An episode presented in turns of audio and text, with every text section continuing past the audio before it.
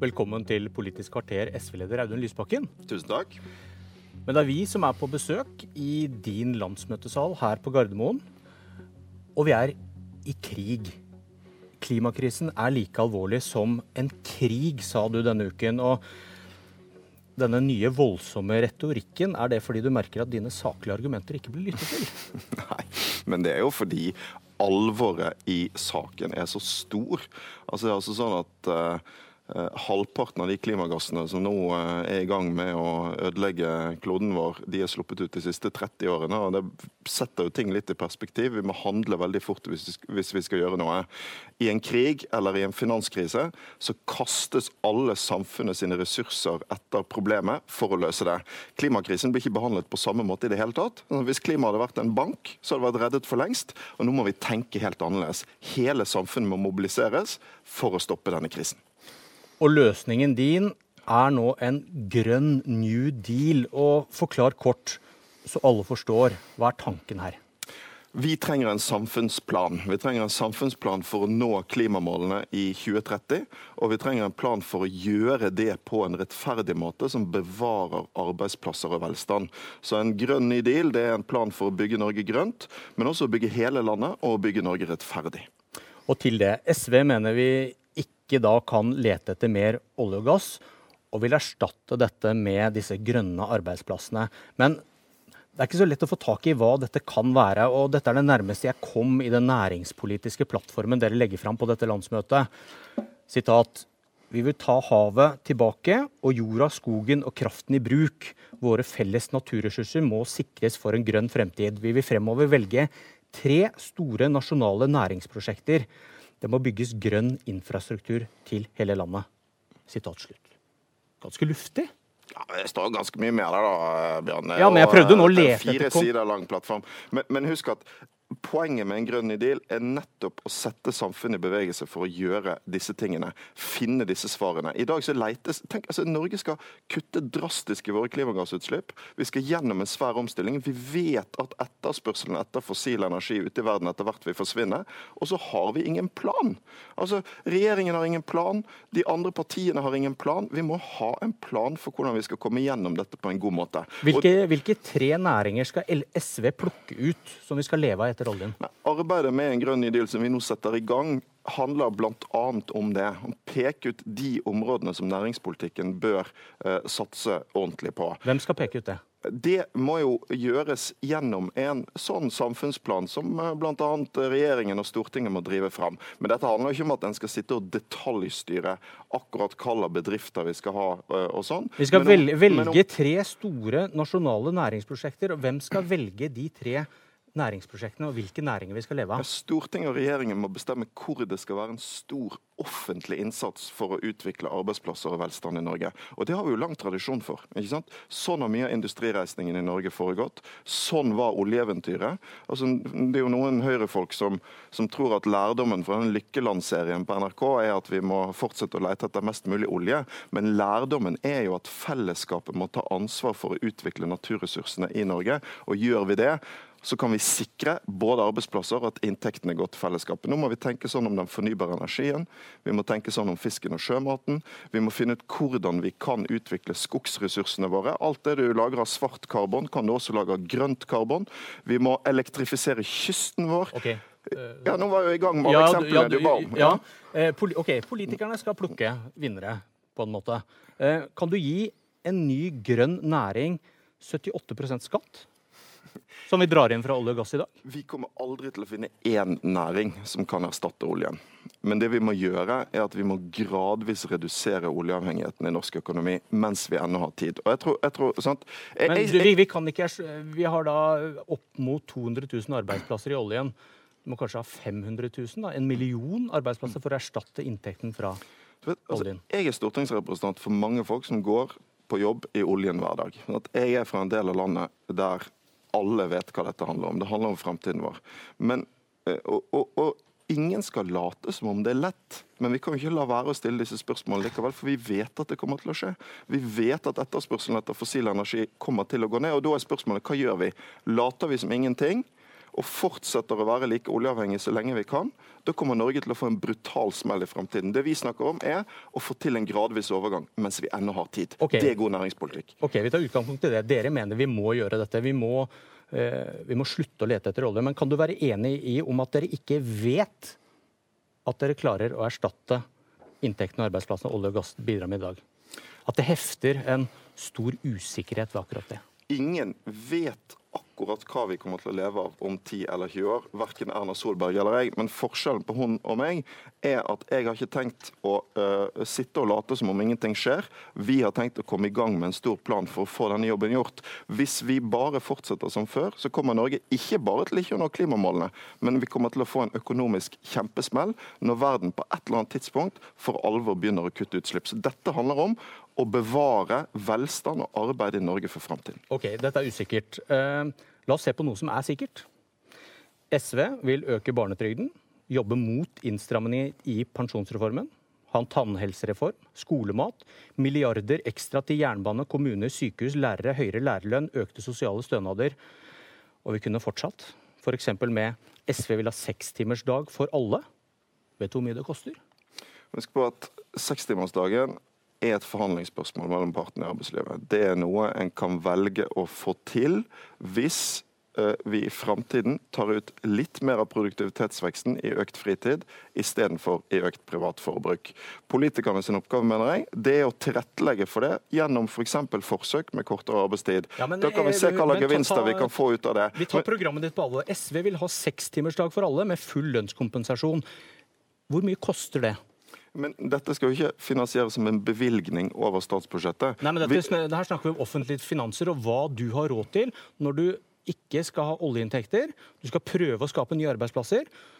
Og så vil du, i tillegg til den lange lista jeg leser, du vil ha sekstimersdag for alle. Du vil få ja, til det. Hvor mye koster det? Jeg må, jeg må bare, bare, ta helt kort det med sekstimersdagen først. Så skal jeg komme tilbake til finansieringen av velferden, for det har vi gode svar på. Men sant, arbeidstidsforkortinger har Norge hatt en rekke ganger. Og norsk økonomi har vokst, produktiviteten har utviklet seg til tross for at arbeidstiden har gått ned. Sånn var det gjennom hele det 20. årene. Det er ingen grunn til at det ikke skal være sånn i det 21. århundre. Ny teknologi gjør ting lettere. Okay. Det kan vi ta ut i kortere arbeidstid, istedenfor f.eks. i økt arbeidsløshet i framtiden. Til spørsmålet, vet du hvor mye det koster? Til spørsmålet om hva velferdsreformene våre koster Nei, Seks timers arbeidsdag, ja, hva koster det? Det kan ikke bevilges som et punkt over et statsbudsjett. Det er ikke sånn arbeidstidsforkortinga kommer. Det kommer som et resultat av forhandlinger. Ja, sånn har det alltid vært før, og sånn kommer det til å være igjen. De, dere ønsker dette, det står i programmet deres. Finansdepartementet har prøvd å regne på dette og har kommet til at det kan bety 224 milliarder kroner i lavere skatteinntekter for staten. Men, men jeg kjøper ikke det regnestykket, for dette er et spørsmål om hvordan vi tar ut kommende produktivitetsvekst i Norge. Alle beregninger viser at vi kommer til å få et får vi håpe, da, i forhold til sånn historien vår har vært til nå, et mer produktivt nærings- og arbeidsliv. Vi har ny teknologi som utvikler nye metoder. Spørsmålet er skal det tas ut i stadig mer privat forbruksvekst, eller skal vi også ta det ut uh, i mer fritid. Det har en livskvalitetsside, det, det har en miljøside. Det koster noe å jobbe politisk for dette? Selvfølgelig vil det koste noe, men husk at økt produktivitet betyr økt verdiskaping, og de regnestykkene der tar ikke hensyn til det. Stoler du på, stoler, har, har, du noen uavhengige økonomiske fagmiljøer som støtter deg i det? Ja, det var jo en, var jo en eh, svær dokumentar om sekstimersdagen eh, som NRK hadde. Nettopp. Poenget, Historien viser jo ja, støtta, støtta Statistisk sentralbyrå din analyse der? Hva viser historien om arbeidstidsforkorting? Etter at Norge gikk over til åtte timer og syv og en halv timers eh, uke, ble vi et fattigere samfunn? Nei, vi ble et mye rikere samfunn. Meg, siden, du, siden du nevnte det, så kan, kan, jeg minne om hva Statistisk sentralbyrå sier om det. og det Jeg snakket med, snakket med de i går. De kom også til at å fase inn sekstimersdag for alle mot 2060, med samme velferdsnivå vi har nå, ikke noe økning da vil det bety vesentlig høyere skatt for å opprettholde dagens velferdsnivå. Og så har Finansdepartementet regna til par hundre milliarder i året som du da mangler, som du må dekke inn på annen måte. Hvis vi får kortere arbeidstid, så kommer det til å skje gradvis som et resultat av forhandlinger. Erfaringen med arbeidstidsforkortelse har ikke vært at Norge har blitt fattigere, erfaringen har vært at det har bidratt til en mer produktiv økonomi. Jeg tror det vil gå sånn i fremtiden også. Har du noen økonomer som støtter, støtter deg i at, at, ikke staten taper masse inntekter på en slik reform? Jeg har støtte i historien vår. Altså, okay. Vi har kuttet arbeidstiden samtidig som vi har økt produktiviteten. Så er dette et prioriteringsspørsmål, selvfølgelig.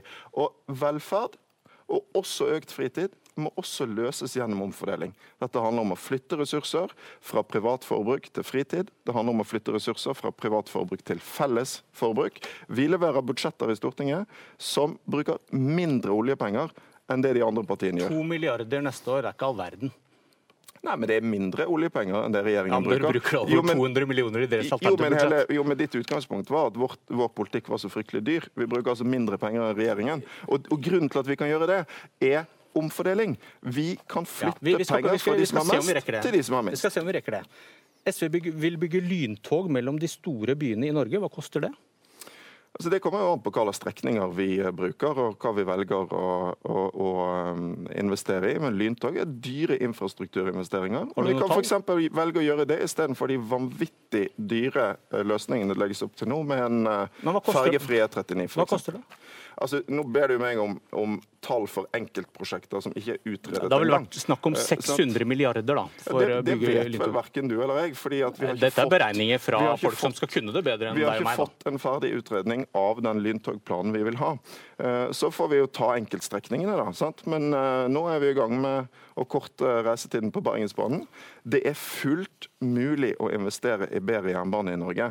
Men da må vi prioritere om. Vi må investere i grønn infrastruktur istedenfor f.eks. å investere vanvittig mye penger i en fergefri E39, som uh, folk i stor grad ikke vil ha. Levealdersjusteringen er alle problemers mor i pensjonssystemet, sa du i fjor, og varslet omkamp. Hvor mye er det beregnet at pensjonsreformen tar ned statens utgifter om 40 år?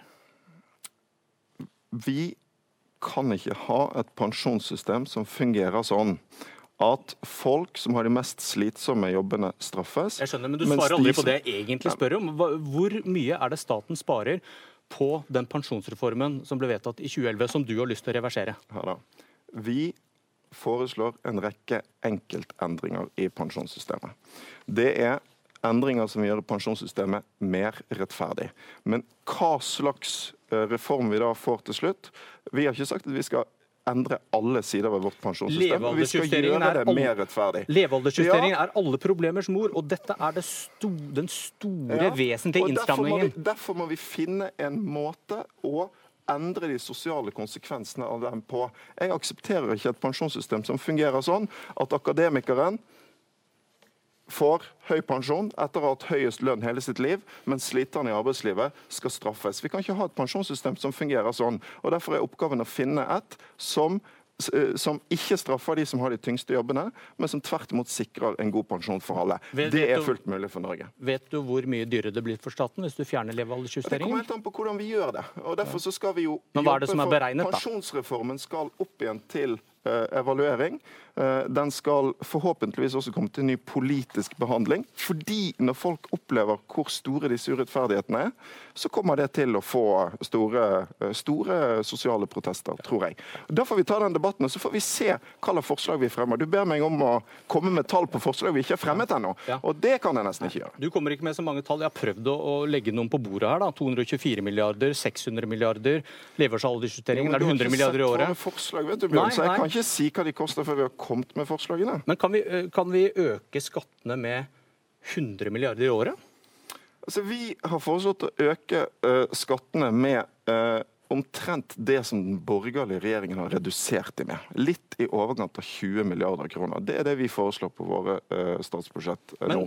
Det betyr ikke at det det betyr ikke at det er hele potensialet for omfordeling i det norske samfunnet. Vi kan flytte store penger fra de rikeste sitt luksusforbruk til vanlige folk og til vår felles velferd. Det er stort potensial for omfordeling i Norge. Norge er et land med forbausende stor ulikhet, og Norge er et land med potensial for sterke fellesskapsordninger. Det du spør om, det er ting som alle i norsk historie har sagt det har vært umulig, men som vi har fått til igjen og igjen. Og vi kommer til å få det til nå. Jeg har så mange spørsmål igjen som jeg gjerne skulle stilt deg, men tiden vår renner ut. Godt landsmøte, Audun Lysbakken. Dette var Politisk kvarter, og jeg heter Bjørn Myklebust.